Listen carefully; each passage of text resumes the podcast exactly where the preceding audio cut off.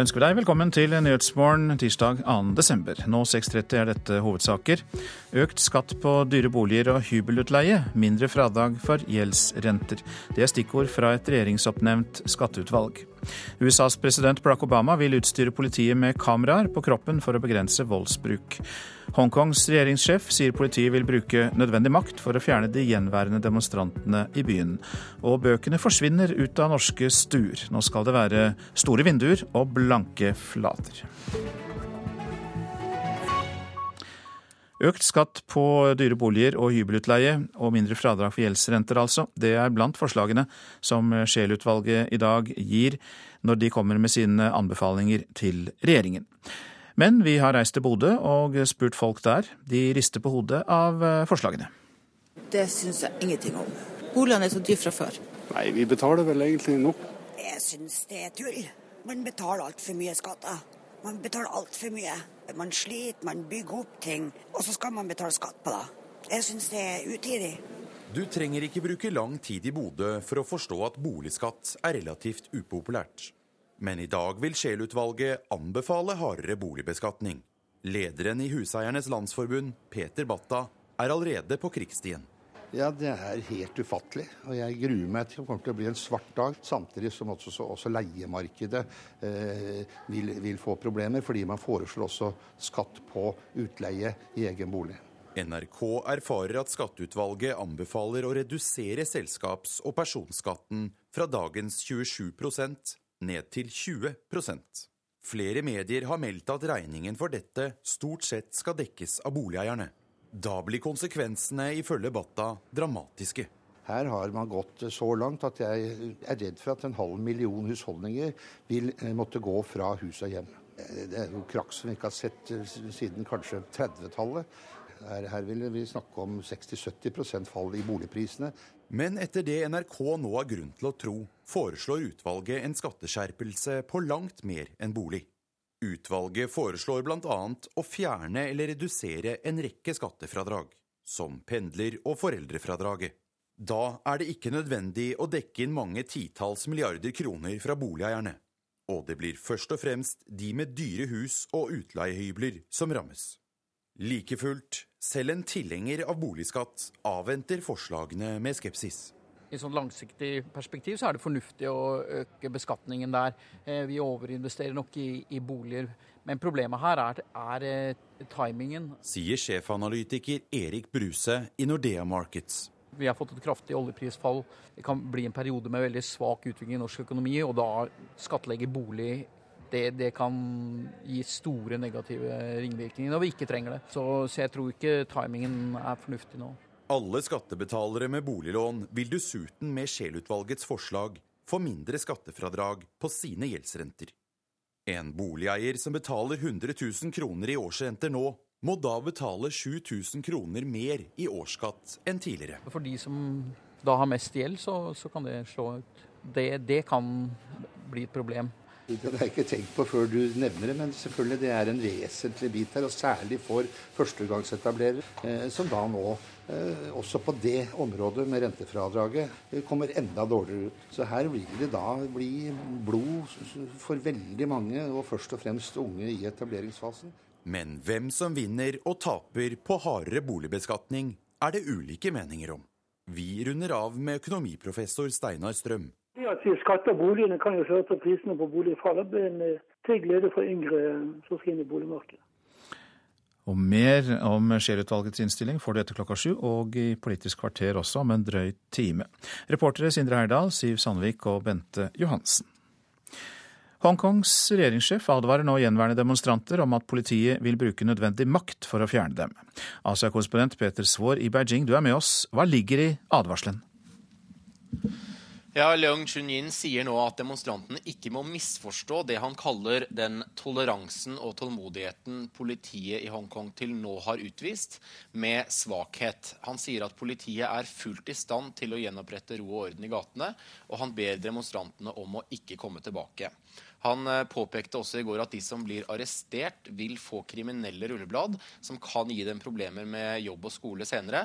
Så dette ses som den klareste advarselen demonstrantene har fått til nå. Det kan tyde på at Hongkong-regjeringen nå er beredt til å gå tøffere til verks mot de demonstrantene som er igjen. Ja, De siste dagene har jo da politiet ryddet i flere av protestleirene i uh, Hongkong. Eh, hardere til verks, sier du. Du har jo nevnt noe av disse tiltakene. Kan det være um, andre planer som myndighetene og politiet har for å uh, ja, stort sett fjerne demonstrantene fra gatebildet? Ja, Det som har skjedd nå de siste ukene, er at Hongkongs domstoler har gitt en rekke private selskaper rettslige forføyninger som sier at blokaden av forskjellige områder av Hongkong som direkte berører disse selskapene, er ulovlige, og at politiet da får en rettslig myndighet til å rense disse gatene. Det gjelder, det gjelder bl.a. et uh, busselskap i Hongkong.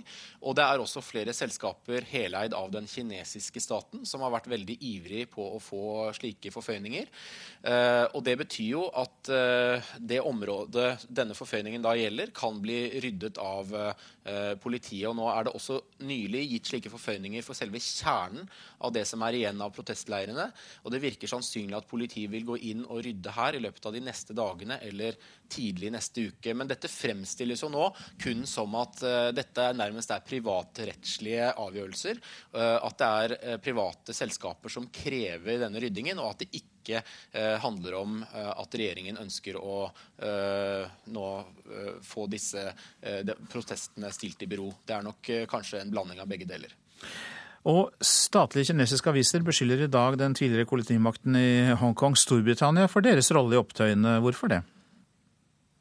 Ja, Det er jo en britisk eh, eh, parlamentarikergruppe som ønsket å reise til eh, Hongkong for eh, noen dager siden for å undersøke om den britisk-kinesiske samarbeidsavtalen nå kan være brutt. Britene mener jo at eh, den avtalen som ble signert mellom Kina og Storbritannia eh, før den kinesiske maktovertakelsen, er juridisk bindende og binder Kina til å opprettholde Hongkongs eh, politiske system i 50 år, altså frem til år 2047.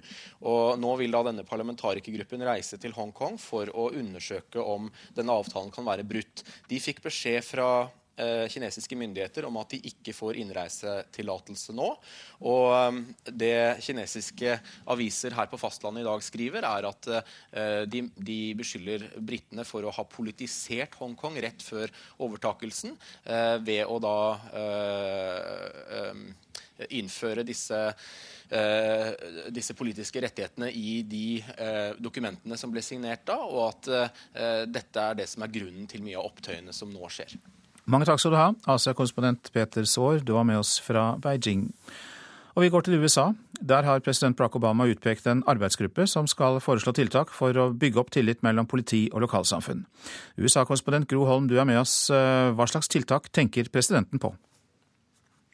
Ja, eh, Det er jo det den arbeidsgruppa skal foreslå, men han har selv eh, sagt litt om hva han ønsker. Han eh, går inn for å bevilge 263 millioner dollar, det er ca. 1,8 milliarder kroner, eh, til bl.a. å kjøpe inn kroppskameraer som alle patruljerende politimenn skal kunne gå med, slik at det både kan virke avskrekkende når det gjelder å bruke unødvendig mye vold fra politiets side, og selvfølgelig også kan bidra til å dokumentere når politiet faktisk bruker vold eh, mot eh, særlig da minoritetsbefolkningen.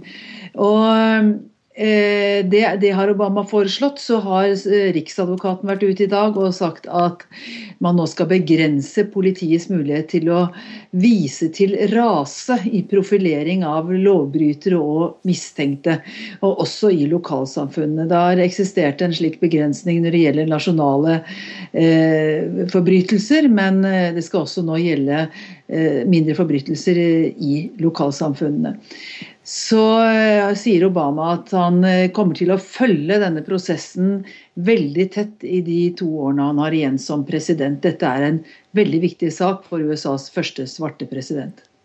Så har vi jo den senere tid hørt mye om uroen som har preget byen Ferguson. Men eh, kanskje litt om det som skjer ellers i landet. Og hvordan er forholdene der da, mellom politi og innbyggere? Ja, det er jo stadig demonstrasjoner har vært i denne uka etter at det ble klart at den hvite politimannen som drepte en svart uh, ubevæpnet 18-åring, ikke blir tiltalt. Uh, I New York og i Washington DC har uh, demonstranter sperret innfartsveier. Det skjedde i går i begge byene. I New York venter man på at en annen storjury enn den som var i drift i, i Ferguson, skal beslutte om en hvit politimann som tok kvelertak på og drepte en selger av ulovlige sigaretter, angivelig i sommer, om han skal stilles for retten. Og Den beslutningen kan komme hvilken dag som helst. Og blir det slik at han ikke blir tiltalt, så kan man vente at i en storby som New York kommer det til å bli kraftige reaksjoner. Kan du også fortelle oss litt om hvordan folk flest reagerer på dette med at svarte behandles annerledes av politiet enn hvite? Ja, Det er jo et eh, enormt eh, dirrende raseri. Obama sa selv at eh, eh, det er en sydende mistillit mellom for mange politikamre og for mange fargede lokalsamfunn i dette landet. Det sa Obama i går. Eh, og eh, det er Når det først begynner å røre på seg, så er det jo dette spørsmålet ja, hvor langt kan de egentlig drive det? Og vil alle all denne protesten, all denne misnøyen som finnes i det svarte samfunnet særlig, vil den kunne bli kanalisert inn i en bevegelse som kan minne om borgerrettsbevegelsen på 1960-tallet. Så langt eh, så eh, virker det som om de mangler ledere til å kunne gjøre noe sånt. Uh, men, uh, men vi vet jo ikke hva som skjer i de nærmeste dagene og ukene rundt omkring i USA. Mange takk, USA-korrespondent Gro Holme. Russland stopper utbyggingen av en gigantisk gassrørledning gjennom Sør-Europa. Russiske Gazprom har allerede brukt mer enn 30 milliarder kroner på prosjektet, og avgjørelsen er trolig den mest alvorlige konsekvensen av krisen mellom Russland og EU pga. situasjonen i Ukraina. Og korrespondent i Moskva, Morten Jentoft, hvorfor eh, gjør Russland dette? Ja, Det var jo en uh, overraskende og dramatisk avgjørelse som uh, den russiske presidenten Vladimir Putin kom med under sitt besøk i, uh, i, Tyrkia i går. Men han sa rett ut at så lenge man ikke har fått en tillatelse fra bulgarske myndigheter til å gå videre med dette prosjektet, her, så har vi ikke noe annet å gjøre enn å stoppe det. Um, denne ledningen, altså South Stream, den skal jo gå gjennom Svartehavet, og planen var da altså via Bulgaria og Balkan. og deretter knytte seg da til det eh, europeiske eh, eh gasslinjemarkedet. Og Tanken var selvfølgelig også at man gjennom en, en slik gassrørledning så ville man også unngå å kjøre gassen gjennom Ukraina. Vi vet at det har jo vært store problemer mellom Ukraina og Russland i, i mange år rundt gasstransporten. Eh, South Stream skulle da omgå Ukraina, men nå sier altså Vladimir Putin at eh, Bulgaria, etter press som han sier da, fra andre EU-land, eh, e ikke har kunnet gi tillatelse til dette. her, og Dermed så sier man at man stopper prosjektet og orienterer seg mot nye markeder. Og Russiske Gazprom sier også at de i stedet vil orientere seg mot nye markeder og altså selge billigere gass til Tyrkia. Og eh, er det realistisk å fange opp eh, kjøpere andre steder? Ja, eh, dette kommenteres jo litt i russiske medier her nå på, på morgenkvisten også. og man mener at kanskje dette er rett og slett noe urealistisk, og at Tyrkia også kan være en, en, en, en ustabil, et ustabilt marked for den, for den, russiske gassen.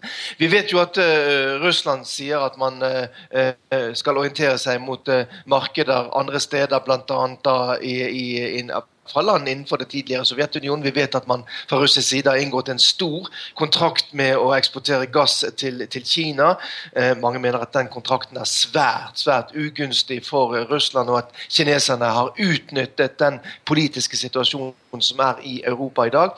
Sånn at eh, jeg tror nok at dette, det at det ikke blir noe av South Stream, også er en, et, et, stort nederlag for uh, russiske myndigheter, som vil miste store inntekter da fra uh, energi-gassalget til Europa. Men Vladimir Putin snur jo det også andre veien og sier det at Europa vil få store problemer når man da mister da denne tilførselen av gass.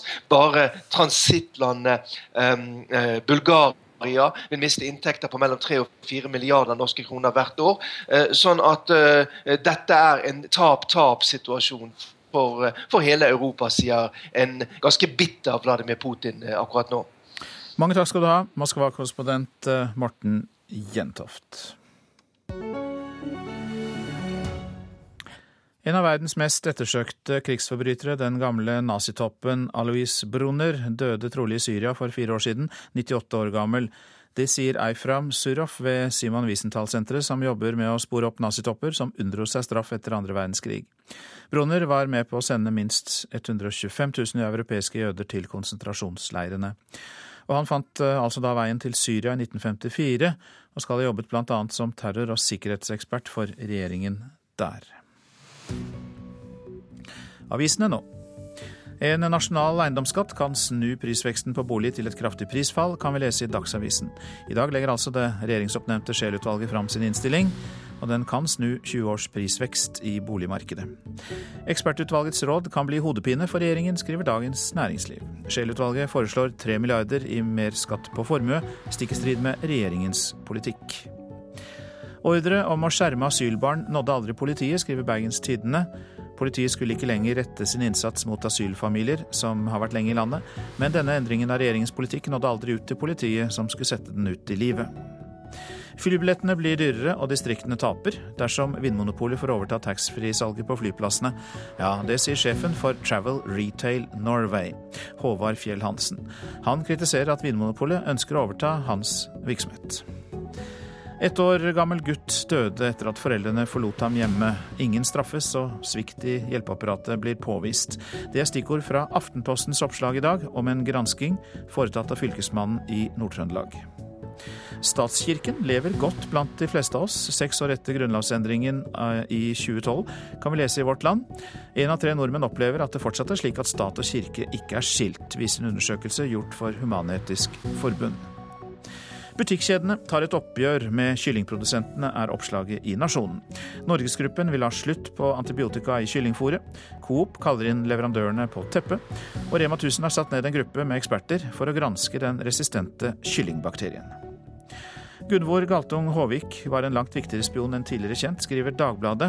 Dokumenter fra britisk etterretning viser at Sovjetunionens leder Leonid Brezjnev fikk dokumenter Håvik hadde gitt til KGB, direkte på sin pult.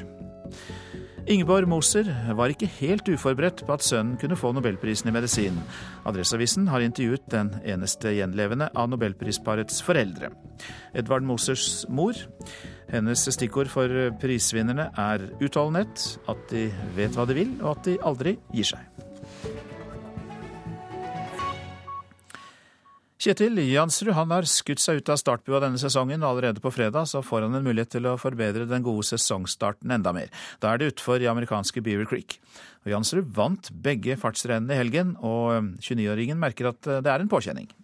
Akkurat nå så er det batteriene forholdsvis tomme, så det skal være godt å bruke to neste dagene på som får eh, få tilbake en litt eh, kroppskontroll og litt, få lade batteriene litt, så skal vi bli klare. Og med to seire på to renn denne sesongen, så har Kjetil Jansrud mye å forsvare i Beaver Creek. Ja, jeg gleder meg til Beaver Creek før denne helga òg, så det er ikke endra nå. Det er uh, første gang i karrieren hvor man står som ordentlig forsvarer av noe uh, i Beaver Creek. Alexander Aamodt Kilde imponerte også i Lake Louise i helga, og Jansrud tror at Beaver Creek kan gi oss enda mer fra den karen. Det er en pakke som passer meg bra, og kanskje passer Alexander enda bedre enn det Lake Louise-helga her gjorde. Så jeg jeg tror på at vi kan fortsette en god trend. Ehm, så får vi se.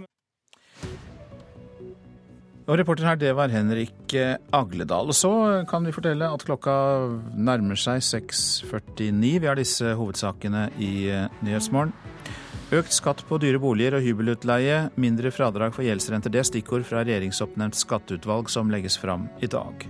USAs president Barack Obama vil utstyre politiet med kameraer på kroppen for å begrense voldsbruk.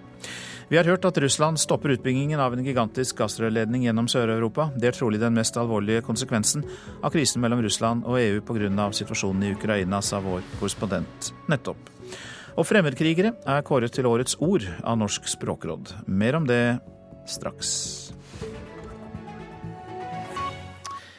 Ja, for det er nemlig blitt eh, årets ord, altså. Fremmedkriger. Begrepet for en person som reiser utenlands for å krige for andre. Det topper Språkrådets kåring foran eh, andre ord som pøbelgran og ståhjuling. Men eh, det er ikke alle som vet hva disse ordene betyr.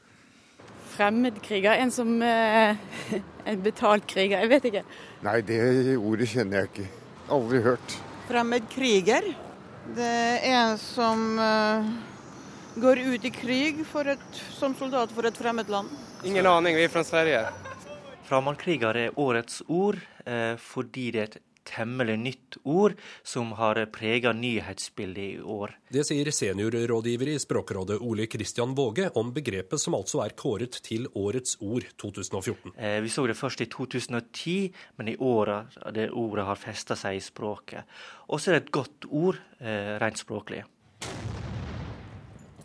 I år er ordet blitt brukt hyppig i omtalen av de rundt 60 nordmennene som har reist til Syria og Irak for å slutte seg til terrorgruppa IS. Thomas Hegghammer ved Forsvarets forskningsinstitutt var en av de aller første i Norge som brukte begrepet fremmedkriger. Det her har vi ikke hatt et godt uh, ord for tidligere, antakelig fordi det ikke har vært så veldig utbredt. Men med globalisering og mer transnasjonal uh, politisk uh, aktivitet, så, så, har, så har dette fenomenet blitt større. Og da har ordet pressa seg frem. I fjor var det sakte-TV som ble kåret til årets ord, et begrep som fortsatt lever etter helgens salmemaraton på NRK. På årets liste havnet fremmedkriger foran ord som pøbelgran, mobilnakke og ståhjuling. Ja, kan man nesten kalle det for en slags eh, ordkavalkade over 2014. Det er jo ord som har vært i, i nyhetsbildet, eller som har blitt aktuelle eh, i løpet av året. Og Det forteller oss egentlig det at eh, norsk er et veldig rikt språk, at vi er i stand til å lage nye ord hele tida. Eh, og også ord som eh, kan avløse engelske eh, låneord. Ja, det mente Ole Kristian Våge i Språkrådet, og reporter her Halvor Haugen.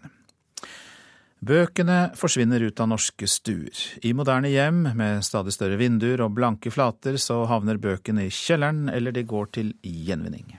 Nei, fordi jeg tar så masse bøker som, ikke, som har i kasser osv. Jeg har ikke så mye oppbevaringsplass til alle disse bøkene. Kjempemange bøker, altfor mange. Men jeg samler på alt. Har du plass til det?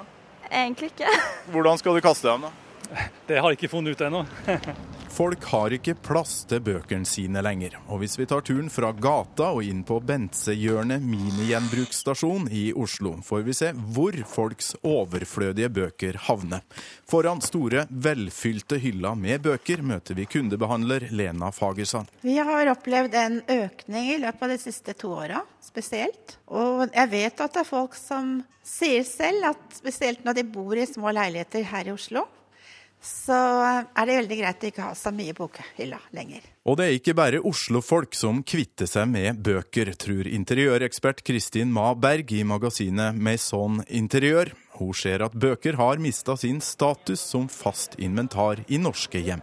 Bøker for 20 år siden var noe du identifiserte deg med. Kanskje gikk du på Blindern, studerte noen fag, historie, filosofi, ja, engelsk, fransk. Og så likte du å ha da de dikterne der for å vise litt hvem du var og hvilken bakgrunn du hadde. Og det identitetsbehovet det er på en måte ikke så påtrengende å vise interiøret lenger. Den viktigste årsaken til at vi ser disse endringene, at bøker blir mindre verdt og at det er mer bruk og kast, det tror jeg rett og slett er de sosiale endringene som Norge har gjennomgått de siste 20-30 åra.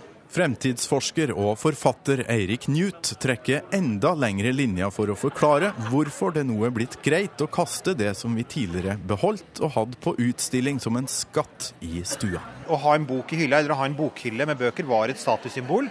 Og det fortalte noe om at du f.eks. tilhørte den utdannede middelklassen. Men når flertallet av nordmenn er en godt utdannet middelklasse, så blir ikke det så viktig lenger. Det her er jo gamle, gode Johan Falkberg-bøker med skikkelig perm og skikkelig kvalitet. Men det kommer folk å slenge fra seg. Du, Her kan det være bøker som folk har vært og leita etter på biblioteker, i bokhandlere osv. Og, så og ikke klart å finne. Og faktisk så har de klart å finne det her. Og reporter her, det var Torkil Thorsvik. Den eh, ender ofte opp i postkassen vår, enten vi ønsker det eller ikke, og ekstra mye reklame er det nå rett før jul. Nå har også postbudene gått lei av all reklamen. Reporter Stian Vårsø Simonsen, du er eh, med ut for å levere aviser til folk i Bamble i Telemark. Hva skjer? Jo da, vi er eh, ute sammen med avisbud Beate Johansen. Vi har vært ute og kjørt eh, aviser hele morgenen. Vi er helt på slutten av ruta nå. Det blir mye reklame om dagen, eh, Beate? Ja, det er en god del nå som det er jul, vet du. Da, da, da blir det masse å ja. Kilovis med reklame. Ja, da kan det bli ganske mye kilo. Det er helt sikkert. Men det blir, nei, men det, det blir jo penger på, på meg, da. Litt ekstra penger, men litt ekstra strev også. Det er ikke bare glad for uh, alle julereklamen. Nei, det er sånn opp og ned, da. Det, ja. Så, men uh, ja, butikkene må jo ha, ha sin reklame ut, da. Det er jo det de lever av. Men du, du, du blir litt ekstra lange dager på deg nå om dagen? Ja, det, det hender det. Men jeg må være ferdig til klokka syv. Så nå stresser vi litt, rett og slett, for nå skal siste, siste avisen ut. Ja, nå skal den siste ut. Må pakke sammen litt reklame da, og komme oss ut til, til kassa. Ja, det får vi gjøre. Siste meterne fram mot uh, postkassa her nå. Ja. Skal vi se, vi blinker inn til sida. Har pakka klar litt uh, reklame. Og så skal den opp i den aller, aller siste kassa for eh, dagen. Det er en god følelse når du har vært ute hele natta, Beate? Ja, det er så greit. Altså, for da kjenner jeg liksom at da er jeg veldig klar for å komme hjem og slappe av litt, altså. Ja, for du begynner når folk legger seg? Ja, det kan du trygt si. Jeg står opp eh, klokka to på natta. Og da står vi jo alle sammen i Grenland. og banner over alle reklamene som skal ut til folket. Ja, da, da, da, kjører jeg bort på Lasse og henter eh, avisa og reklame, og, så de får det inn i bilen. Full fart ut til postkassa. Siste etappe nå. Kom igjen. Her er vi. Ja. Da er det den kassa der som skal ha det, det magasinet her sånn. Sånn. Da er det siste levert, så da er det bare opprydninga som er igjen. Må vi rydde opp i bilen. Det er aviser overalt her. Det ligger reklame utover. Og vi må gjøre en skikkelig opprydning i bilen til Beate Johansen, som altså har vært ute og kjørt aviser hele morgenen. Da satser vi på at reporter Stian Vårsø Simonsen hjelper litt til med å rydde opp der. Han var altså med innspurten til avisbud Beate Johansen der i Bamble i Telemark. Så var det værvarselet. Fjellet i Sør-Norge. Sørlig kuling utsatte steder i høyfjellet. Snøbyger, lite nedbør i østlige strøk. Lettere vær i kveld. Østland og Telemark litt snø, sludd og regn nær kysten. Fra ettermiddag lettere vær. Agder litt regn, vesentlig vest. Fra ettermiddag lettere vær. Rogaland sørøstlig stiv kuling på kysten. Fra ettermiddag regn. Seinere regnbyger. Snø over ca. 300 meter.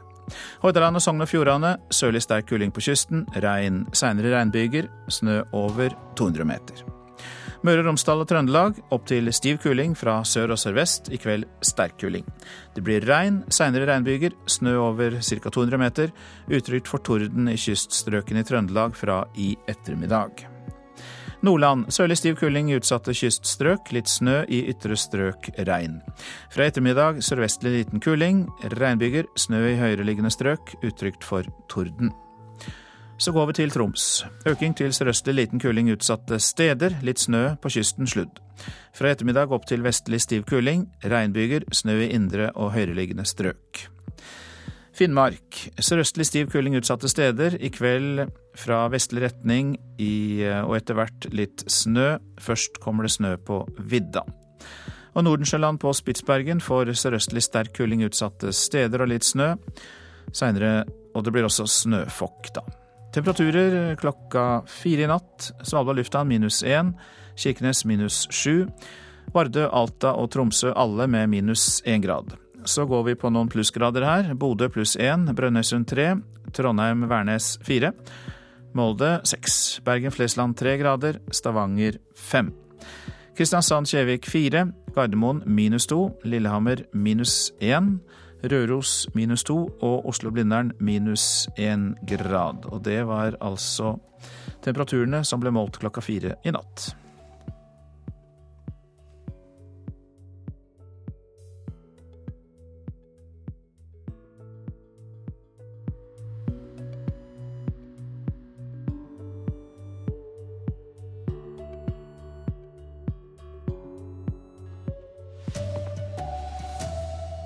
Kvinner får mindre hjelp fra kommunen enn menn til å ta seg av sine gamle foreldre.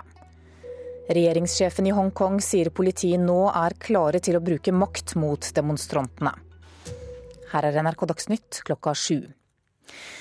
Eldre kvinner som har døtre får mindre hjemmehjelp og hjemmesykepleie enn de som har sønner. Det viser en undersøkelse forskningsinstituttet NOVA har gjennomført i over halvparten av landets kommuner. Altså, hovedfunnet er at eh, kvinner med døtre får mindre hjelp enn kvinner med sønner sier stipendiat Henning Øyen. Forskerne har sendt forespørsel til kommunene om hjemmehjelp og hjemmesykepleie til fiktive eldre personer. Bare kjønnet til den eldre personen og personens barn varierer. Ellers er behovene som beskrives, helt like. Svarene viser at kvinner med sønner får i snitt 25% mer hjelp enn kvinner med døtre. Det viser hvor lite likestilte vi er, mener SV-leder Audun Lysbakken. For Det er umulig å tolke dette på noen annen måte enn at uh, kommunene ofte tenker at uh, er det en datter inne i bildet, så kan hun gjøre mer enn hvis det er en sønn. Reporter var Katrin Hellesnes. Regjeringssjefen i Hongkong advarer de gjenværende demonstrantene om at politiet vil bruke nødvendig makt for å fjerne dem. Dette er den klareste advarselen regjeringen har kommet med, og kan bety at de er klare til å gå tøffere til verks, forteller Asia-korrespondent Peter Svaar. Ja, Leung Chun-yin sier nå at demonstrantene ikke må misforstå det han kaller den toleransen og tålmodigheten politiet i Hongkong til nå har utvist, med svakhet. Han sier at politiet er fullt i stand til å gjenopprette ro og orden i gatene, og han ber demonstrantene om å ikke komme tilbake. Han eh, påpekte også i går at de som blir arrestert, vil få kriminelle rulleblad som kan gi dem problemer med jobb og skole senere. Så dette ses som den klareste advarselen demonstrantene har fått til nå. Det kan tyde på at Hongkong-regjeringen nå er beredt til å gå tøffere til verks mot de demonstrantene som er igjen. Et regjeringsoppnevnt utvalg foreslår omfattende endringer i skattesystemet vårt. Utvalget vil senke selskapsskatten og skatt på alminnelig inntekt til 20% fra dagens sats på 27% Det meste av denne skatteletten hentes inn ved økt skatt på brutto inntekt for lønnstakere. Utvalget vil også beholde formuesskatten. Bunnfradraget økes fra 1 til 2,1 millioner kroner, og aksjer beskattes lavere, mens det blir dyrere å eie bolig. Utvalget foreslår også å fjerne en rekke fradrag, bl.a. for fagforeninger, pendling og pass og stell av barn. NRK Dagsnytt, Anne Jetlund Hansen.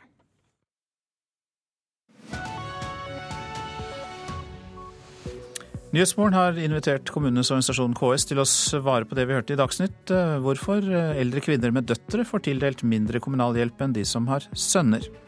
Økt skatt på dyre boliger og hybelutleie, mindre fradrag for gjeldsrenter. Vi får også kommentarer til eh, det regjeringsoppnevnte skatteutvalget. Og regjeringen vil ha mer fornybar energi, men stadig færre vil investere i det. Ja, Vi hørte det altså nettopp i Dagsnytt at eldre kvinner som har døtre, får mindre hjemmehjelp og hjemmesykepleie enn de som har sønner. Det går fram av et forskningsprosjekt ved Norsk institutt for forskning om oppvekst, velferd og aldring, altså NOVA. Det er ren kjønnsdiskriminering, mener altså SV, som foreslår et landsomfattende ettersyn i kommunene. Kvinner som tar seg av sine gamle foreldre, må altså regne med mindre hjelp fra kommunene enn det menn får. Jeg syns det er meningsløst at de gjør forskjell på menn og kvinner der. Praten går livlig ved bordene på et eldresenter i Oslo. At døtre får mindre hjelp til omsorg, synes Unni er urettferdig. Ja, det syns jeg. Absolutt. For hvorfor skal en kvinne måtte arbeide mer hjemme hos sin mor enn sønnen? NRK har tidligere fortalt om spørreundersøkelsen NOVA har gjennomført i over halvparten av landets kommuner. Altså, hovedfunnet er at eh, kvinner med døtre får mindre hjelp enn kvinner med sønner. Sier stipendiat Henning Øyen. Forskerne har sendt forespørsel til kommunene om hjemmehjelp og hjemmesykepleie til fiktive eldre personer. Bare kjønnet til den eldre personen og personens barn varierer. Ellers er behovene som beskrives, helt like. Svarene viser at kvinner med sønner får i snitt 25% mer hjelp enn kvinner med døtre. Det betyr to timer mer i uken. Det her er jo dramatiske tall. Sier SV-leder Audun Lysbakken.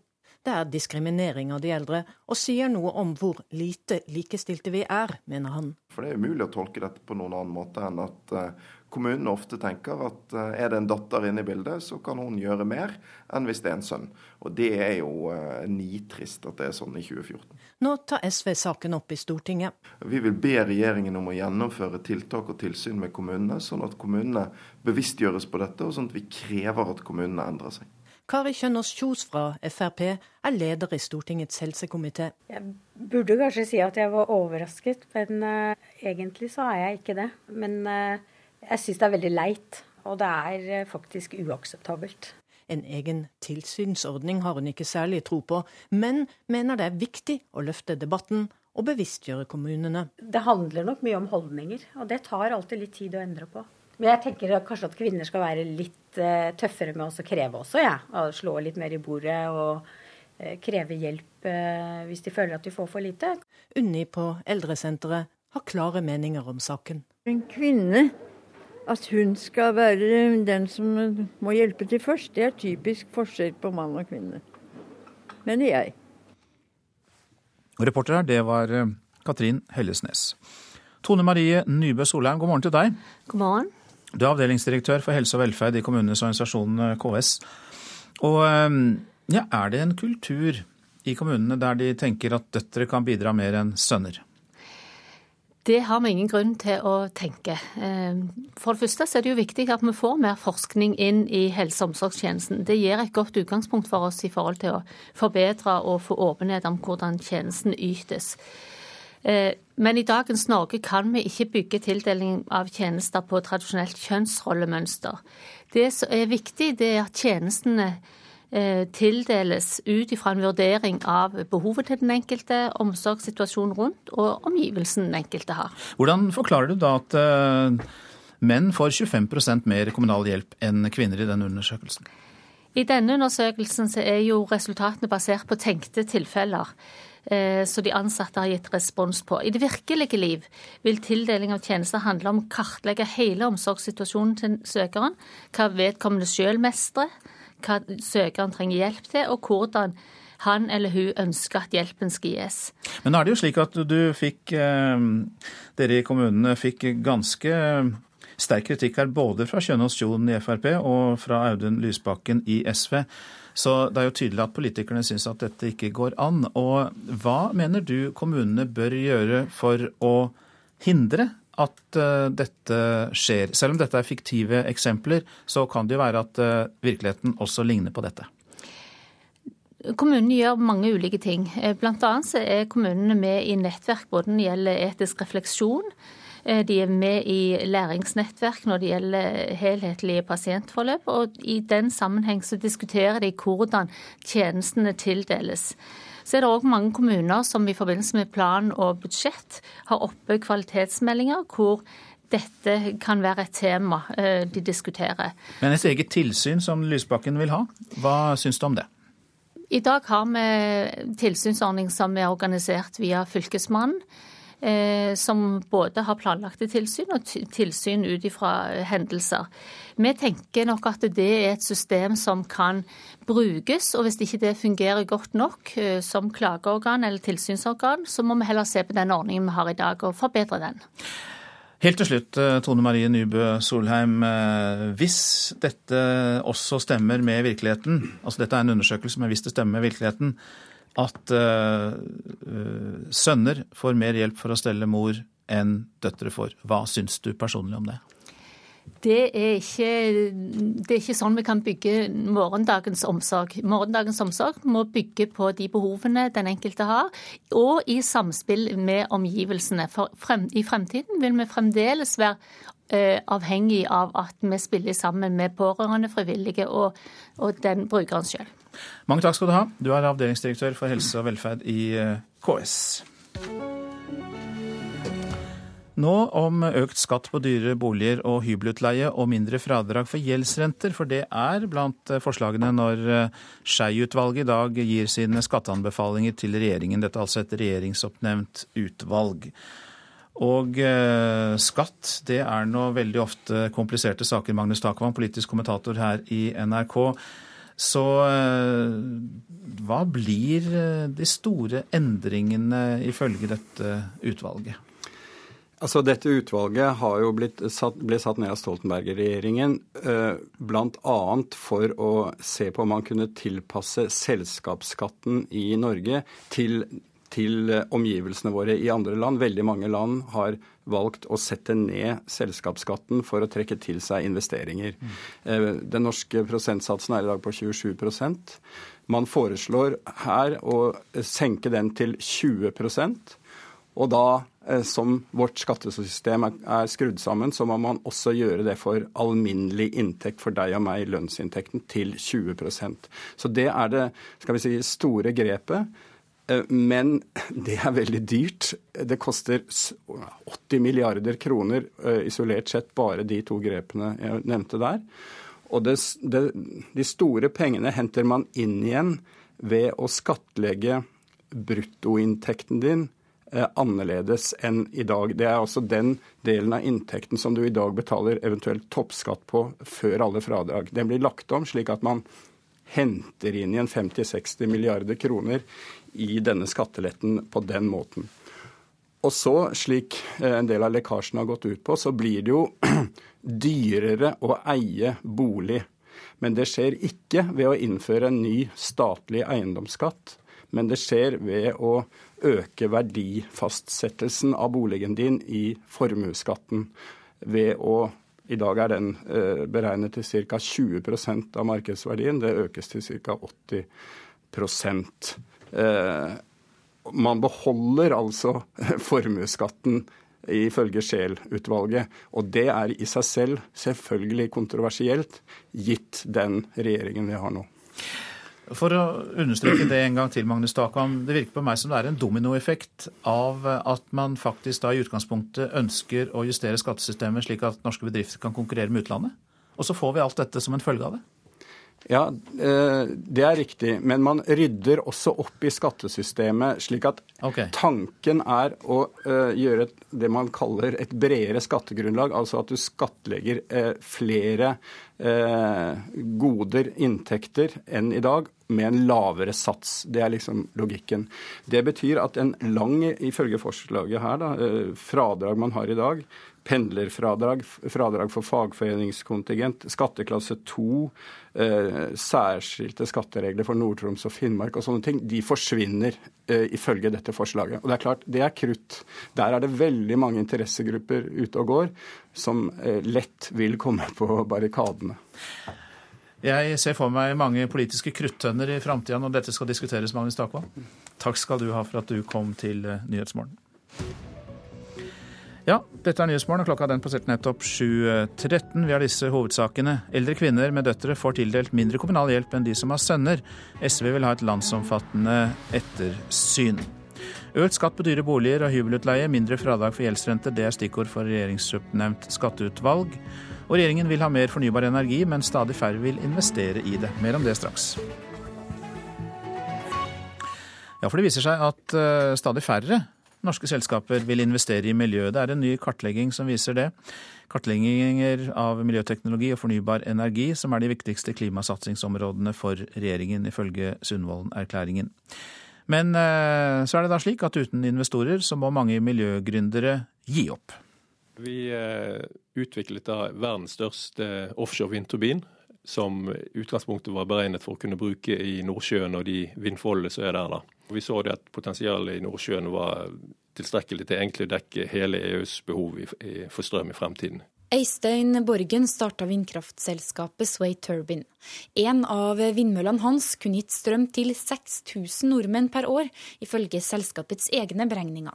Selv om selskapet fikk nesten 30 millioner kroner i støtte fra staten, uteble investorene. Vi gikk konkurs i, eller Sway Turbine gikk konkurs i april i år, 2014. Ifølge regjeringspartiene skal det helt motsatte skje i årene framover. I regjeringsplattformen står det at regjeringa vil øke fornybar kraftproduksjon i Norge.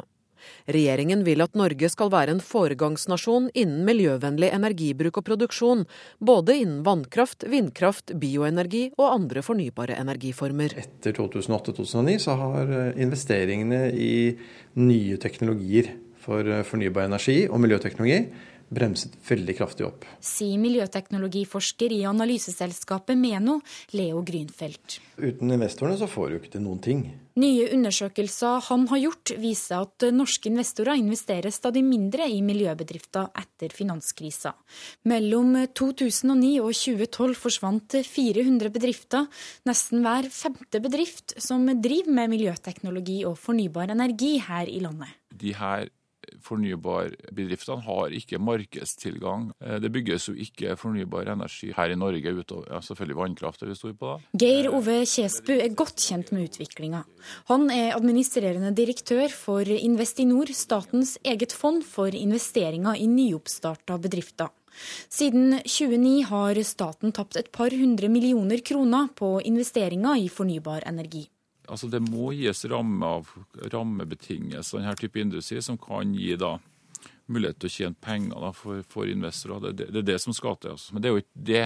Det jobber ikke Investinor med. da. Nei, Hvem er det som jobber med det? Det er jo våre politikere som jobber med det. En av dem er statssekretær i Næringsdepartementet, Lars Jakob Him. Vi har styrket de ordningene som eh, handler om nettopp den tidlige fasen i budsjettet betydelig. Samtidig så er vi opptatt av å legge til rette for en skattepolitikk, bl.a.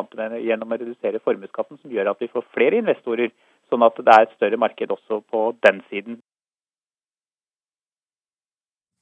Reporter her, det var eh, Marit Gjelland. God morgen, Eirik Martiniussen. God morgen. Du er tidligere journalist og forfatter av boka 'Drivhuseffekten klimapolitikken som forsvant'. Og vi hører at norske investorer ikke investerer i fornybar energi og miljøteknologi. og Hva tror du er grunnen til det? Først og fremst så vil jeg jo si at jeg syns det er veldig dramatiske tall som eh, kommer frem her i dag. Altså 400 bedrifter som legges ned, som driver med miljøteknologi. Eh, årsaken er jo at rammebetingelsene er altfor dårlige. Man snakker om at én av fem bedrifter er lagt ned. Vi har her snakket om Sway. Vi kjenner også til Scanwind, eh, som produserte vindturbiner i Trøndelag, og Blosterwind, som produserer vindturbiner. Flere altså store fornybare bedrifter går over ende i Norge. Da er det ikke noe marked for det, da? Ganske enkelt. Det som er interessant, er at det er et veldig stort marked for det. Eh, dette er jo det raskest voksende markedet i Europa. Eh, der andre industribedrifter går over ende, så øker altså produksjonen og, og, og grunnleggelsen av eh, fornybarbedrifter både i Storbritannia, Danmark og Sverige. Men altså her hjemme i Norge får vi det ikke til. Og Jeg vil peke på to konsekvenser av dette her. Eh, for det første så gjør det jo norsk økonomi svært, svært oljeavhengig. Eh, ni av ti kroner går allerede i dag til eh, oljeindustrien.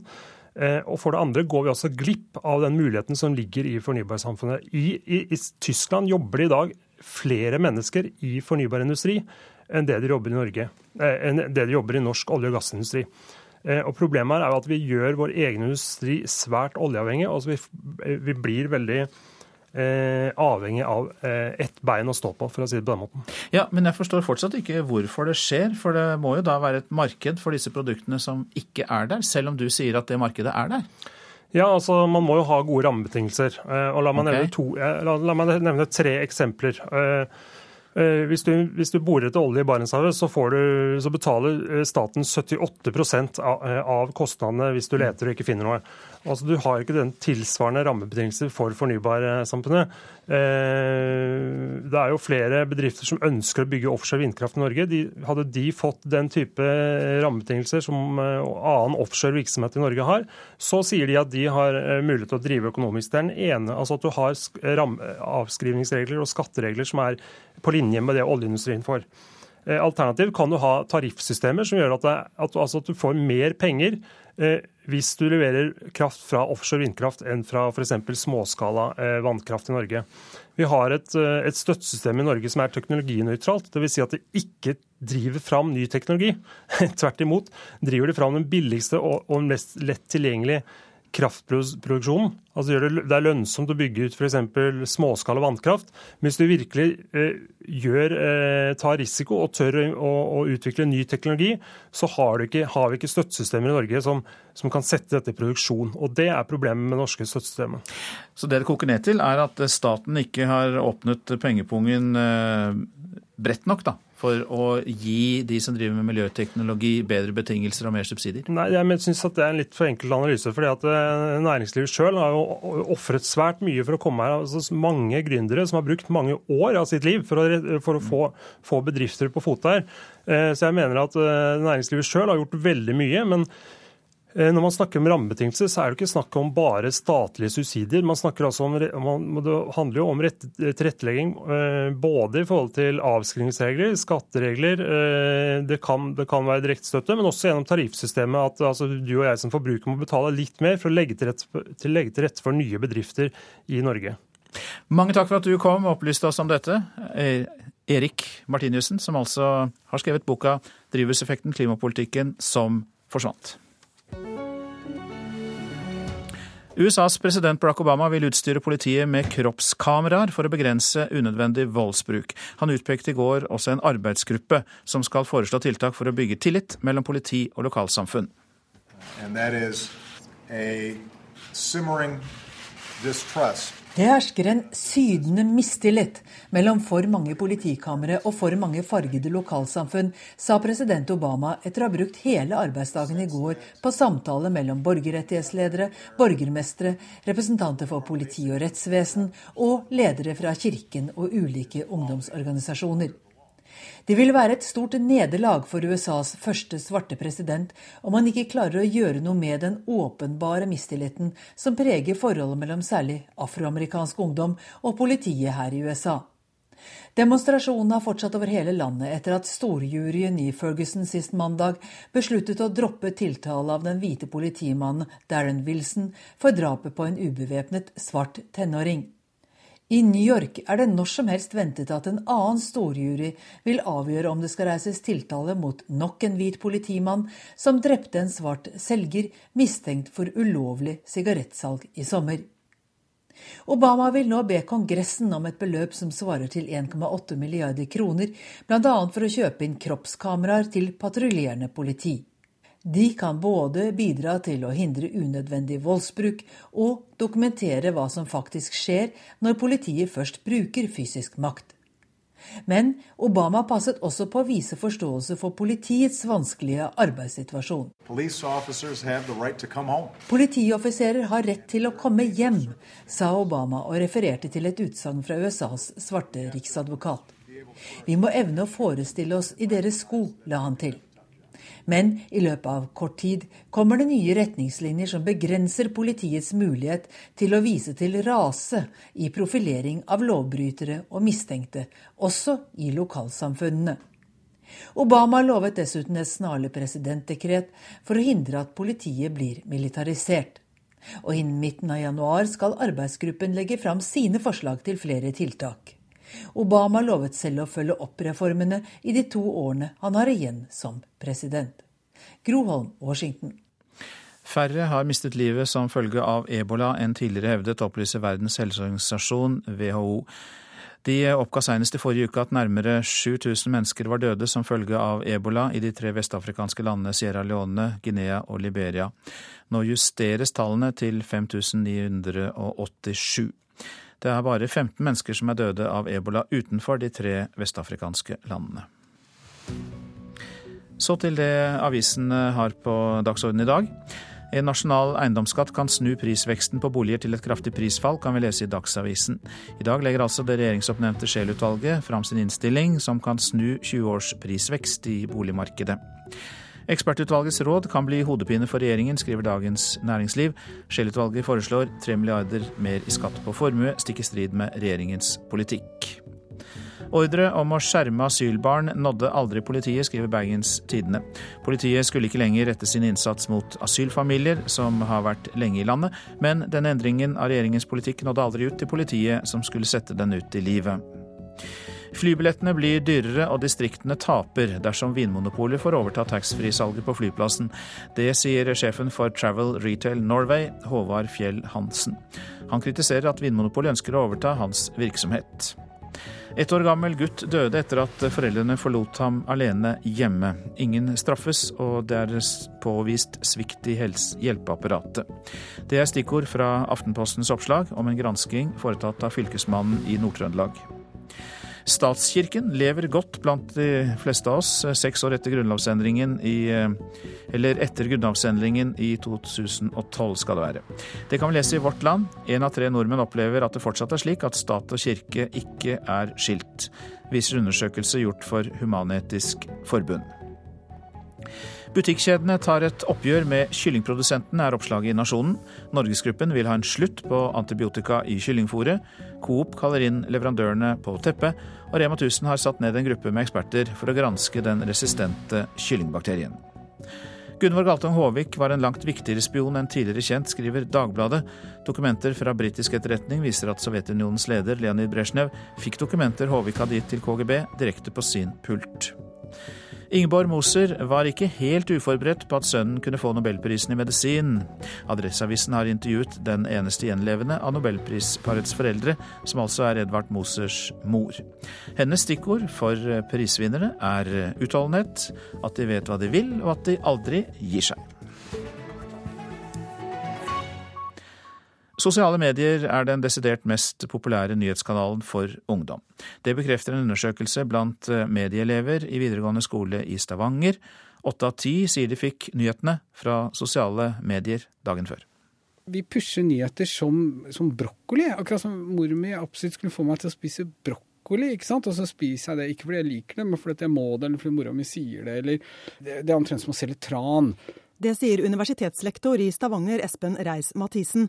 Han har gjort en undersøkelse blant medieelever i videregående skole i Stavanger, og er bekymra på vegne av de tradisjonelle nyhetsmediene. Hvordan kan vi bli relevante for disse, som finner relevant informasjon andre steder? De plakatene dere skal lage nå, det er jo det som er den store tingen med propaganda. Medieelever på Bergeland videregående i Stavanger lærer om forskjellen på propaganda og journalistikk. Mye tyder på at disse medieelevene ikke skiller seg nevneverdig fra andre ungdommer og unge voksne når det kommer til medievaner. Altså Alle bruker sosiale medier, og de bruker forferdelig mye tid på sosiale medier. Det er ikke overraskende. Det neste stedet de går, er til nettaviser. Da NRK sjekket undersøkelsen i går, hadde 258 ungdommer svart. Sosiale medier topper altså lista over nyhetskanaler for disse ungdommene, som er mellom 16 og 18 år gamle. Hele åtte av ti svarer at de fikk nyhetene sine fra sosiale medier dagen før. Drøyt halvparten brukte nettaviser, fulgt av TV med 37% VG eller Aftenbladet. Det så egentlig popper ut på Facebook. Nettavis hvis jeg kjeder meg, holdt jeg på å si. Så er det papiravis hvis uh, den ligger på bordet når jeg skal spise frokost. Og så ikke noe særlig radio, egentlig. Jeg bruker Stavanger Aftenblad, for det har vi hjemme. Og så Facebook. Bergeland-elevene Iselin Klubben, Audun Thorseth og Mari Kalvik sier alle at de stoler mest på de seriøse mediene. Men de vil lese nyhetene fra avisene og NRK via sosiale medier, som Facebook og Twitter. Kalvik tror det er nøkkelen for å nå ut til ungdom. Når eh, artikler blir posta på Facebook eller delt på Facebook, så er det jo lettere å trykke inn på det, siden det er der folk er. Så de må være Og gjerne gjøre artiklene litt mer lettleste. Tilpasse de mer for ungdom. I dag samles elever og mediefolk i Stavanger-distriktet for å diskutere denne undersøkelsen. Og målet med kampanjen Hvor har du det fra? Det forteller distriktsredaktør i NRK, Ragnar Kristiansen. Vi bruker sosiale medier som Facebook og Twitter og Instagram til å nå ut som vår postkasse ut til de unge. De skal vite at den journalistikken som NRK lager, Stavanger Aftenblad, VG, Dagbladet og andre seriøse medieaktører, det de lager, det er journalistikk som de kan stole på hvis alt vi driver nå bare blir oppfatta som brokkoli og tran, da, så, så, er det en helt annen salgssituasjon enn det vi har vært i før. Og det, det ville jeg vært litt bekymra for. Da Må vi bli mer eh, godteributikk, da? Er det det? Poenget er vel å få dem ut av godteributikken og spise, drikke tran og spise brokkoli med godt humør. Det sa universitetslektor Espen Reis-Mathisen. Reporter var Anette Johansen Espeland. Regjeringen vil ikke gi juleamnesti til kirkeasylanter i år. De siste årene har det vært vanlig at de som sitter i kirkeasyl får mulighet til å gå ut i julen, men i år vil ikke justisministeren be politiet la være å pågripe disse personene, skriver avisa Dagen. Ifølge avisa er det minst fire kirkeasylanter i Norge nå. Prosent for Nyhetsmorgen i dag, Vidar Eidhammer. Her i studio, Øystein Heggen. I reportasjen etter Dagsnytt kan du høre at de reformerte kommunistene fra DDR-tiden har framgang. For første gang overtar en av dem som regjeringssjef i en av det samlede Tysklands delstater. Og Scheel-utvalgets innstilling om det norske skattesystemet er oppe til debatt i Politisk kvarter.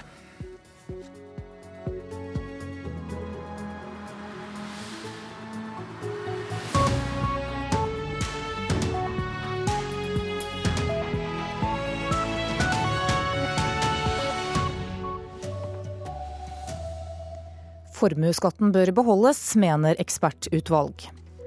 Dersom du er kvinne, så får dine gamle foreldre mindre hjelp fra kommunen enn om du er mann. Bøkene er på vei ut av norske hjem. Her er NRK Dagsnytt klokka 7.30. Et regjeringsoppnevnt utvalg foreslår omfattende endringer av skattesystemet vårt. Utvalget vil beholde formuesskatten, gjøre det billigere å ha aksjer og dyrere å ha bolig, og utvalget legger frem rapporten sin i dag. Men i Bodø så rister folk på hodet av disse forslagene. Det syns jeg ingenting om. Boligene er så dyre fra før. Nei, vi betaler vel egentlig nok. Jeg syns det er tull. Man betaler altfor mye skatter. Man sliter, man bygger opp ting, og så skal man betale skatt på det. Jeg syns det er utidig. I Bodø mener folk at det er nok skatt å betale allerede. Men noen ny statlig eiendomsskatt ventes ikke i dag. Det statlig oppnevnte Scheel-utvalget foreslår i dag at ligningsverdiene av din og min eiendom jekkes opp kraftig, opp til 80% av verdien. Da blir det mer å betale skatt av, og også hytter og bolig nummer to og tre beskattes mer. Men det blir større bunnfradrag. Det vil bli på 2,1 millioner per skattyter. I interesseorganisasjonen Huseierne gruer administrerende direktør Peter Batta seg til formiddagen. Ja, det er helt ufattelig, og jeg gruer meg til det kommer til å bli en svart dag. Utleieboligene beskattes også fullt ut, selv om boligen er under 50 av egen bolig. Der vil mange måtte betale mer enn i dag. Scheel-utvalget beholder altså formuesskatten. Men også personskatten øker i den nye modellen, og det er bruttoskatten som øker. Det er skatten på bruttoinntekten før fradrag som legges om og erstatter systemet med toppskatt. Dermed kan utvalget i neste omgang senke skatten på alminnelig inntekt og selskapsskatten til 20% En lemper også på formuesbeskatningen av aksjer, slik at de blir verdsatt til 80 og ikke 100% av verdien, som i dag. Da blir investeringer i aksjer og bedrifter mer attraktivt. Det sa reporter Hedvig eh, Bjørgum. Politisk kommentator her i NRK, Magnus Takvam. Hvordan kommer disse forslagene til å bli mottatt? Det er mye krutt eh, eller politisk sprengstoff i disse forslagene, så det kommer til å bli en heftig debatt om utvalgets eh, forslag. Jeg har allerede lagt merke til f.eks. at talspersoner for Høyre minner om at det var Stoltenberg-regjeringen som utnevnte dette utvalget, og implisitt i det så ligger det at eh, når de f.eks. For foreslår å beholde formuesskatten, så må man ha det for øye. Så det blir politisk strid etter hvert om dette forslaget opplagt. Ja, Hva blir vanskeligst? Nei, Med den regjeringen uh, som er i øyeblikket, en Høyre-Frp-regjering, så skjønner alle at et forslag som går ut på å beholde formuesskatten og å øke formuesbeskatningen av egen bolig også å beskatte utleiebolig osv. vil være veldig kontroversielt. Og også alle de forslagene utvalget kommer med om å fjerne pendlerfradrag, fagforeningsfradrag, skattefordeler i Nord-Norge osv. Da vil veldig mange interessegrupper melde seg og være kritisk, selvfølgelig. Dette er altså et forslag fra dette utvalget, og finansminister Siv Jensen får dette på bordet klokka ti. Hva er gangen videre da? Da vil det bli en omfattende høring, som det alltid blir. Så tror jeg også at regjeringen vil eh, si at den trenger nye delutredninger av elementer i dette forslaget. F.eks. hvordan vil forslagene som berører eh, skatt på bolig, slå ut i det norske boligmarkedet? La oss si dette med utleieboliger f.eks., som da nå skal eventuelt beskattes fullt ut, selv om man bare leier ut eh, under halvparten av boligen. Hva vil det si for leiemarkedet i Norge? Den typen delutredninger tror jeg vi vil få, og da vil det ta i hvert fall et par år før vi har konklusjonene på hva det ender opp med. Takk skal du ha, Magnus Takvam. Nordøst i Kenya har Al Shabaab angrepet en teltleir ved et steinbrudd og drept minst 36 arbeidere. I tillegg er flere savnet, opplyser politiet og Røde Kors. Arbeiderne lå og sov i teltene sine da de ble angrepet. De muslimske gruvearbeiderne fikk slippe, mens de kristne ble skutt, ifølge lokale medier. Steinbruddet ligger ved byen Mandera, tett ved grensen til Somalia, og den somaliske islamistgruppen Al Shabaab drepte 28 busspassasjerer i det samme området for halvannen uke siden. Eldre kvinner som har døtre, får mindre hjemmehjelp og hjemmesykepleie enn de som har sønner. Det viser en undersøkelse forskningsinstituttet NOVA har gjort. Dette er ren kjønnsdiskriminering, mener SV. Jeg syns det er meningsløst at de gjør forskjell på menn og kvinner der. Praten går livlig ved bordene på et eldresenter i Oslo. At døtre får mindre hjelp til omsorg, synes Unni er urettferdig. Ja, det syns jeg. Absolutt. For hvorfor skal en kvinne måtte arbeide mer hjemme hos sin mor enn sønnen? NRK har tidligere fortalt om spørreundersøkelsen NOVA har gjennomført i over halvparten av landets kommuner. Altså, hovedfunnet er at eh, kvinner med døtre får mindre hjelp enn kvinner med sønner. Sier stipendiat Henning Øyen. Forskerne har sendt forespørsel til kommunene om hjemmehjelp og hjemmesykepleie til fiktive eldre personer. Bare kjønnet til den eldre personen og personens barn varierer. Ellers er behovene som beskrives, helt like. Svarene viser at kvinner med sønner får i snitt 25% mer hjelp enn kvinner med døtre. Det viser hvor lite likestilte vi er, mener SV-leder Audun Lysbakken. For Det er umulig å tolke dette på noen annen måte enn at kommunen kommunene ofte tenker at uh, er det en datter inne i bildet, så kan hun gjøre mer enn hvis det er en sønn. Nå tar SV saken opp i Stortinget. Vi vil be regjeringen om å gjennomføre tiltak og tilsyn med kommunene, sånn at kommunene bevisstgjøres på dette, og sånn at vi krever at kommunene endrer seg. Reporter her var Katrin Hellesnes. Stadig færre norske selskaper investerer i miljø, det viser nye kartlegginger. Regjeringen har sagt at den vil satse på miljøteknologi og fornybar energi. Men mangel på villige investorer får konsekvenser. Vi eh, utviklet da verdens største offshore vindturbin. Vi gikk konkurs i, eller Turbin gikk konkurs i april i år, 2014. Én av Eistein Borgens vindmøller kunne ha forsynt 6000 nordmenn med strøm, ifølge selskapet. Selv om de fikk nesten 30 millioner kroner i støtte fra staten, uteble investorene. Han er ikke alene, forteller miljøteknologiforsker i Meno, Leo Grünfeldt. Etter 2008-2009 så har investeringene i nye teknologier for fornybar energi og miljøteknologi bremset veldig kraftig opp. Mellom 2009 og 2012 forsvant nesten hver femte bedrift i næringa, viser en kartlegging han står bak. Etter finanskrisa har stadig færre norske investorer putta penger i fornybar energi og miljøteknologi, forteller han. Ja, altså Uten investorene så får du ikke til noen ting. Men ifølge regjeringspartiene er ikke det utviklinga vi skal se. I regjeringsplattformen står det at regjeringa vil øke fornybar kraftproduksjon i Norge Statssekretær i Næringsdepartementet Lars Jakob Him sier regjeringa tilrettelegger for mer miljøinvesteringer i framtida. Vi har styrket de ordningene som eh, handler om nettopp den tidlige fasen i budsjettet betydelig. Hvis eh, vi antar at eh, norsk politikk videreføres på dagens nivå eller med dagens regime, så er det jo ingen grunn til å forvente at vi får noe særlig fremvekst av eh, nye fornybare energiformer. Det sa forsker Leo Grünfeldt, og reporter her var Marit Gjelland. Bøkene forsvinner ut av norske stuer. I moderne hjem med stadig større vinduer og blanke flater havner bøkene i kjelleren eller går til gjenvinning. Det har jeg ikke gjort ennå, men jeg har faktisk planer om å gjøre det. Nei, fordi jeg tar så masse bøker som jeg har i kasser osv. Jeg har ikke så mye oppbevaringsplass til alle disse bøkene. Fra gata i Oslo og inn på Bensehjørnet minigjenbruksstasjon. Der får vi se hvor folks overflødige bøker havner.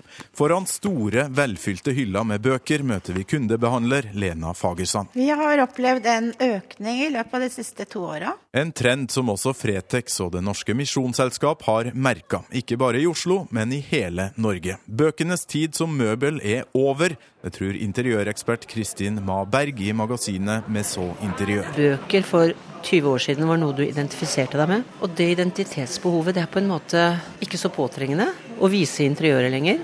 Stor bokhylle var statussymbol, men det var før, sier fremtidsforsker og forfatter Eirik Newt. Og Det fortalte noe om at du f.eks. tilhørte den utdannede middelklassen. Men når flertallet av nordmenn er en godt utdannet middelklasse, så blir ikke det så viktig lenger. Reporter var Torkil Thorsvik. Ansvarlig for denne sendingen var Anne Skårseth, teknisk ansvarlig Espen Hansen, og her i studio Anne Jetlund Hansen.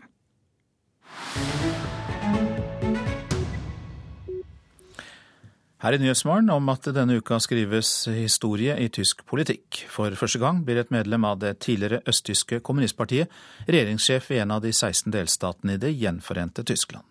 Maktskiftet i delstaten Tyringen er et bilde på den politiske stemningen i Tyskland for tiden, mener flere. Arnt Stefansen har sendt denne reportasjen til oss. Du lass dich nicht verhärten in dieser harten Zeit. Det er et av de mest spesielle øyeblikk i tysk politikk dette året. Den legendariske østtyske protestsangeren Wolf Biermann synger for de folkevalgte i den tyske forbundsdagen. Og han benytter anledningen til en kraftig utskjelling av ett av partiene, De Linke, etterfølgerne til kommunistpartiet i DDR. Der elende Rest dessen sind was zum Glück überwunden ist. Dere er de elendige restene av det som heldigvis er overvunnet. Og det gleder meg å kunne synge en sang som jeg vet var en stor oppmuntring til ofrene for DDR-kommunismen, sier Wolf Biermann, som selv ble politisk forfulgt av det østtyske regimet. 25 år etter Berlinmurens fall er Die Linke et hett stridstema her i Tyskland. Es hat wiederum Jahre gedauert, bis sie begriffen haben, dass der Konflikt nicht Ost gegen West ist. Linke-politikeren Bodo Ramelow taler på partiets landsmøte i Erfurt i delstaten Thüringen i forrige måned. Han er i ferd med å skape politisk historie i Tyskland. Etter at De Linke gjorde et brakvalg ved høstens delstatsvalg i Thüringen, blir Ramelow etter alle solemerker delstatens regjeringssjef.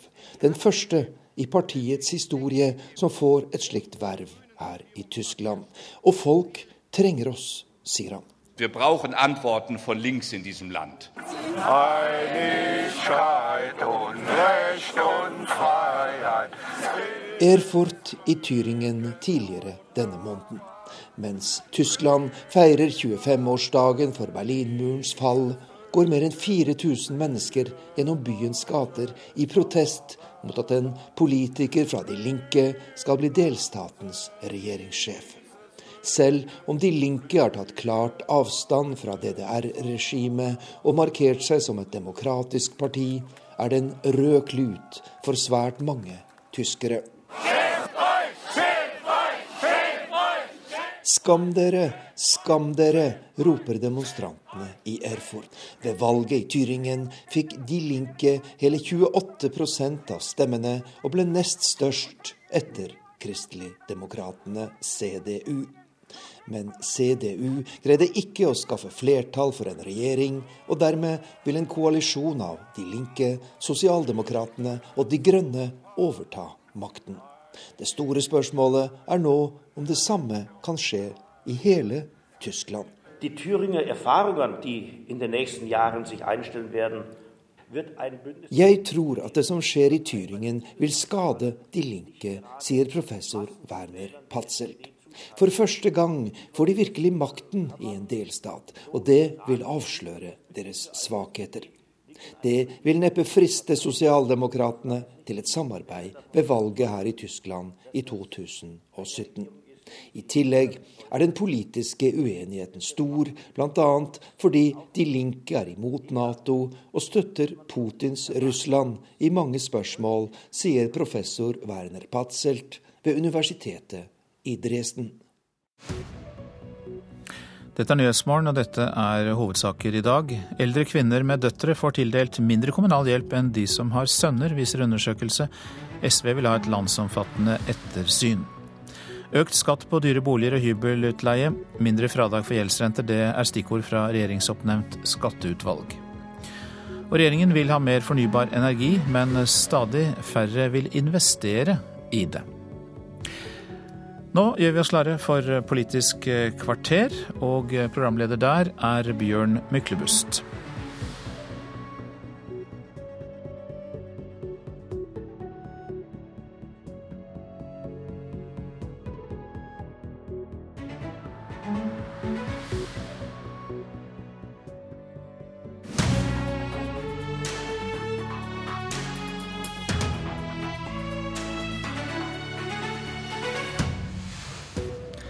Bak luke to i dag finner politikerne en offentlig utredning. Så kjedelig, tenker du kanskje. Men når utredningen foreslår å beholde formuesskatten, ikke kutte i den som regjeringen vil, 2.12 ligger an til å bli alt annet enn kjedelig. Siv Jensen får myk pakke av Hans Henrik Scheel klokka ti i dag. Utvalget han har ledet foreslår altså å beholde formuesskatten. Skatten for norske bedrifter og vanlige lønnsinntekter skal ned, og det koster. Hans Andreas Limi, du sitter i finanskomiteen på Stortinget for Fremskrittspartiet. Det kan virke som om utvalget ikke er enig med regjeringen i at, at det er formuesskatten som står i veien for norsk næringsliv? Ja, Nå gjenstår det å se hva, hva utvalget foreslår. Eh, foreløpig er det vel mer spekulasjoner. Og så får vi rapporten da fremlagt i løpet av formiddagen. Men det er klart at det er helt sikkert elementer i det de anbefaler som vil være politisk omstridt. Eh, og skatt er et tema som engasjerer. Og jeg syns det er viktig at man ikke lukker noen dører før vi har sett helheten og fått anledning til å, til å debattere det som, som foreslås. Men det er klart at formuesskatt det å eventuelt innføre en eiendomsskatt, øke boligskatten, det er noe som for Fremskrittspartiet er veldig vanskelig å, å kunne akseptere. Men som sagt, vi, vi får se på, på, helheten i det som foreslås fra utvalget. Ja, Nå har vi ganske sikre kilder på at de legger opp til å beholde formuesskatten, og da på det nivået før det kuttet dere har inne i budsjettet nå. Hva, hva slags tanke gjør du deg om det? Nei, Samtidig så er det vel slik at utvalget også foreslår å redusere satsene både på lønnsinntekt og, og selskapsskatten. Eh, og det har jo ligget litt i mandatet til utvalget opprinnelig. At de skulle foreslå endringer i skattesystemet som skulle være såkalt provenynøytrale, altså ikke berøre statens inntekter. Men det de da sier i motsetning til regjeringen, er at selskapsskatten er viktig for norsk næringsliv. Formuesskatten er ikke så viktig. Det vi vet, det er at formuesskatten er veldig viktig for norske bedriftseiere. Eh, og for oss som har ganske mye kontakt med altså små og mellomstore bedrifter, så er det et ganske unisont eh, krav fra, fra, bedriftseierne om at det er viktig å få redusert formuesskatten, fordi formuesskatten er en skatt som de pålegges å betale helt uavhengig av bedriftens inntjening. Og så er det en forskjellsbehandling av norske og utenlandske eiere. Eh, så det er et tema som, som, er veldig aktuelt, og fortsatt vil være aktuelt å, å diskutere. Men samtidig så må man se på altså helheten i det som kommer fra, fra Scheel-utvalget. Marianne Martinsen, finanspolitisk talskvinne for Arbeiderpartiet. Har pakke til Arbeiderpartiet? Jeg tror jeg skal unnlate å karakterisere pakka før vi faktisk har eh, åpna den og sett hva som er inni. Nå er det jo foreløpig bare spekulasjoner i media vi forholder oss til. Men, eh, men, det som er mitt utgangspunkt, er å huske på hvorfor Scheel-utvalget i sin tid ble satt ned av Stoltenberg-regjeringa. Det skjedde fordi at selskapsskatten er under hardt press. Det er ikke veldig mange år siden Norge var konkurransedyktige på selskapsskatt hadde en av de laveste satsene i OECD. Eh, nå har vi en av de aller høyeste. Og i motsetning til formuesskatten, så er jo selskapsskatten en skatt som går direkte inn på bunnlinja til bedriftene, og som betyr noen ting direkte for investorers eh, beslutning om hvor det er de skal, eh, skal legge virksomheten sin. Så, så, det lå jo i mandatet til Scheel å se på ordninger som gjør at man kan sette selskapsskattesatsen ned. Vi begynte jo det siste reviderte budsjettet vi la fram å sette ned fra 28 til 27% og Det er en oppfølging av det vi kommer til å se eh, i dag. Men hva mener du det bør bety hvis de beholder formuesskatten eh, for å kunne senke selskapsskatten? Nei, det er klart, Vi har jo hevda hele tiden i debatten om formuesskatten at, eh, at, de partiene som har kjørt hardt for å redusere den, har svake faglige argumenter for å gjøre det. Eh, jeg skal ikke dra opp hele det lerretet av, av, økonomer som har uttalt seg om det den siste tida. Men mener du det er viktig at dette utvalget eventuelt lander på, på det? Vil det få noe å si? Altså, det er jo et viktig signal. Det er, klart, eh, det er, klart, det er det. Og det føyer seg i og for seg inn i, i det vi har sett tidligere i høst og i anbefalingene fra OECD, som har vært veldig tydelige på, når de har rangert skatter fra de mest skadelige til de minst skadelige, vært veldig tydelige på at selskapsskatten er det som virkelig betyr noen ting for bedriftene. Limi? Ja, det, er, det er jo helt klart at I utgangspunktet så fikk eh, Scheel-utvalget et mandat som jeg sa, som innebar at man skulle foreslå eh, altså provenynøytrale endringer. Eh, så har de fått et utvidet mandat fra den nye regjeringen. Og Det innebærer at de også er bedt om å vurdere altså endringer som gir netto skattelettelser. Og så gjenstår det å se hvor mye de har tatt hensyn til det. Eh, og det er klart at Selskapsskatten er viktig, fordi eh, det er veldig hard skattekonkurranse mellom landene. og Vi må forholde oss til det skattenivået som eksisterer i, i, våre naboland og de landene som det er naturlig for oss å sammenligne oss med.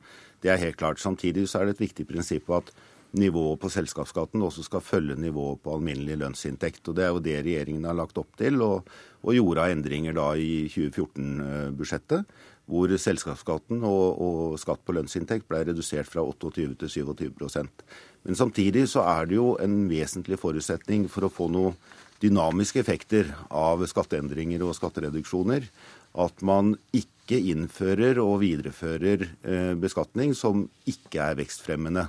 Eh, så det er mange hensyn å ta både til innretning og til nivå. Mm. Altså, nå er det antagelig forslag til ganske mange ulike tiltak som ligger, eh, som ligger, i det utvalget skal presentere. Vi har jo sett en god del av lekkasjer det siste, siste døgnet. Og Det jeg er aller mest opptatt av, det er at alle partier går inn i dette med fordomsfri, et fordomsfritt utgangspunkt. Eh, og at vi blir i stand til å ha en brei debatt om de grunnleggende prinsippene for skattesystemet vårt i månedene som kommer.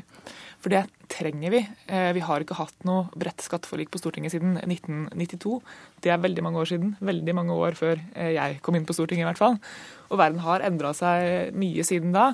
Én ting er selskapsskattesatsen i seg selv, men utfordringa med aggressiv skatteplanlegging, kapitalflukt, er jo også noe av bakgrunnen for at dette utvalget ble satt ned. Det å kunne se på en innretning som gjør at vi kan skatte mer effektivt, ha bredere grunnlag enn, det vi har eh, i dag. Og Skal vi få til det, så, så, krever det at vi alle legger noen kjepphester til side, tror jeg, og er i stand til å ha en brei dialog om det. Jeg tror Limi og jeg kommer alltid til å være uenige om hvilket skattenivå vi skal ha i Norge. Det har noe med, med, ambisjoner for velferdsstaten og størrelsen på den å gjøre, uten at vi skal gå inn i det nå. Men uh, vi har hatt tradisjon for brei enighet om de viktige prinsippene som skattesystemet bygger på. Og det er det viktig å beholde. Det har noe med forutsigbarhet både for personer, men ikke minst bedrifter å gjøre. Jeg har allerede sett din partikollega Gjermund Hagesæter si at han ikke tror på noe bredt forlik om dette? Det som er utfordringen, det er jo at um, når vi skal gå inn i denne debatten, basert på det som foreslått fra Scheel-utvalget, så vil vi ha veldig forskjellig utgangspunkt. Altså Det går en skillelinje mellom Høyre og Fremskrittspartiet, som ønsker å redusere skattenivået, Eh, og Arbeiderpartiet og SV og flere partier på Stortinget som da går andre veien og øker eh, skattene tilbake til det nivået de var på tidligere. Så det er klart at Med det utgangspunktet så er det vanskelig kanskje å se for seg et forlik. Samtidig så er jeg enig i mye av det som eh, Marianne Martinsen sier, at det er viktig nå å ikke liksom låse posisjonene for mye før vi har fått anledning til å se helheten i det som foreslås fra utvalget. Eh, vurdere de ulike tiltakene og ser hvordan dette kan tilpasses også den politiske virkeligheten.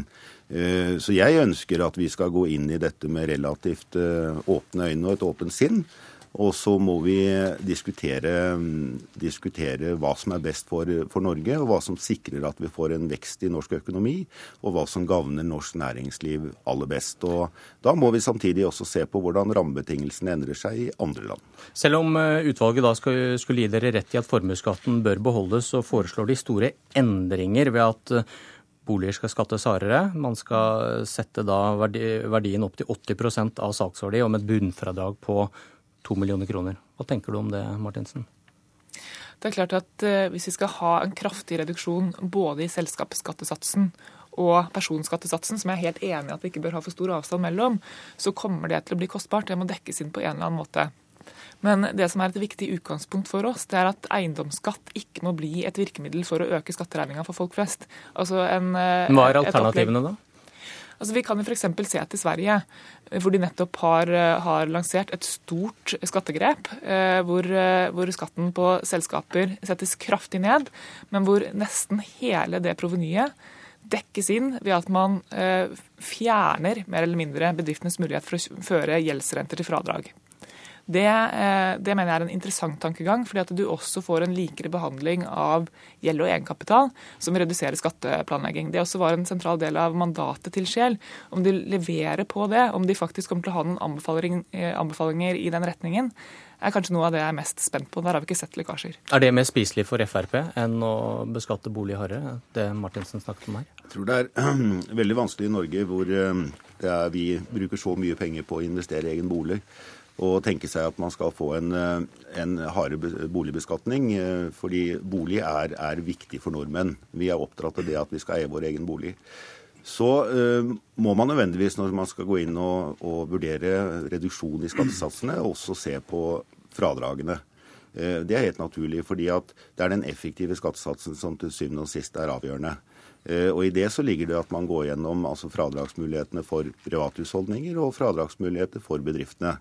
Eh, så alt dette vil ligge i potten når vi skal inn og diskutere dette fremover. Og nå blir det jo en lang runde på dette, vil jeg tro. Altså det, denne utredningen skal jo ut på en eh, høring. Og så kommer den på et eller annet tidspunkt til Stortinget for en endelig behandling. Men vi får god tid til å diskutere alle de elementene som utvalget måtte foreslå. Og klokka ti i dag får vi vite mer. Takk til Hans Andreas Limi i Frp og Marianne Martinsen Arbeiderpartiet.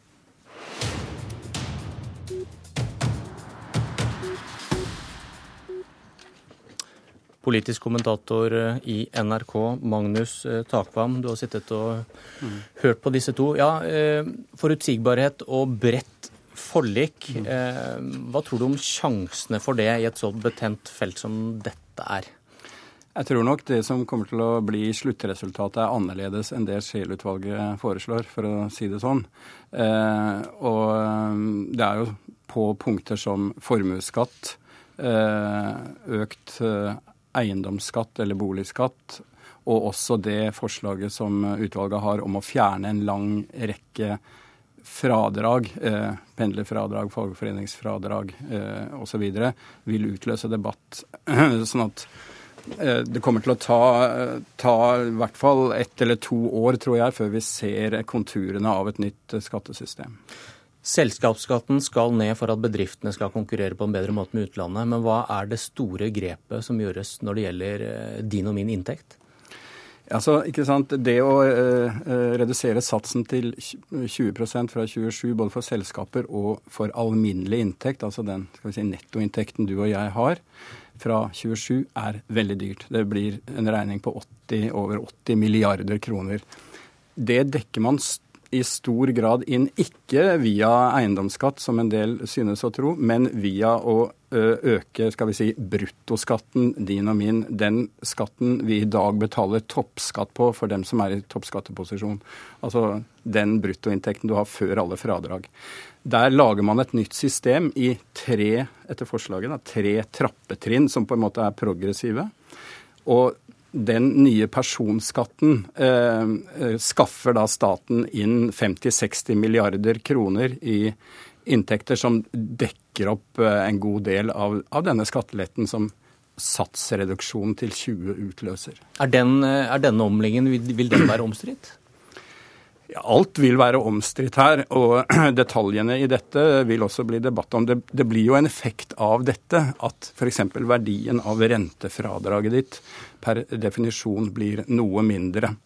Men uh, et av forslagene som Scheel-utvalget kommer med, innebærer jo en netto skattelette totalt på rundt 15 milliarder kroner. slik at uh, ja, man, man, tar noe med den ene hånden for så vidt for den enkelte skattyter med å fjerne en del fradrag osv., men man får da totalt igjen i sum en skattelette. Så, så, så det er, er, tanken her. Til slutt, hvordan vurderer du dette med at dette utvalget da foreslår å beholde formuesskatten, som jo har vært eh, stor debatt om rundt statsbudsjettet? Ja, det er jo eh, Altså eh, Det er jo på en måte et sterkt signal om at det ikke er fra dette utvalgets ståsted formuesskatten som er det viktigste for norsk næringsliv.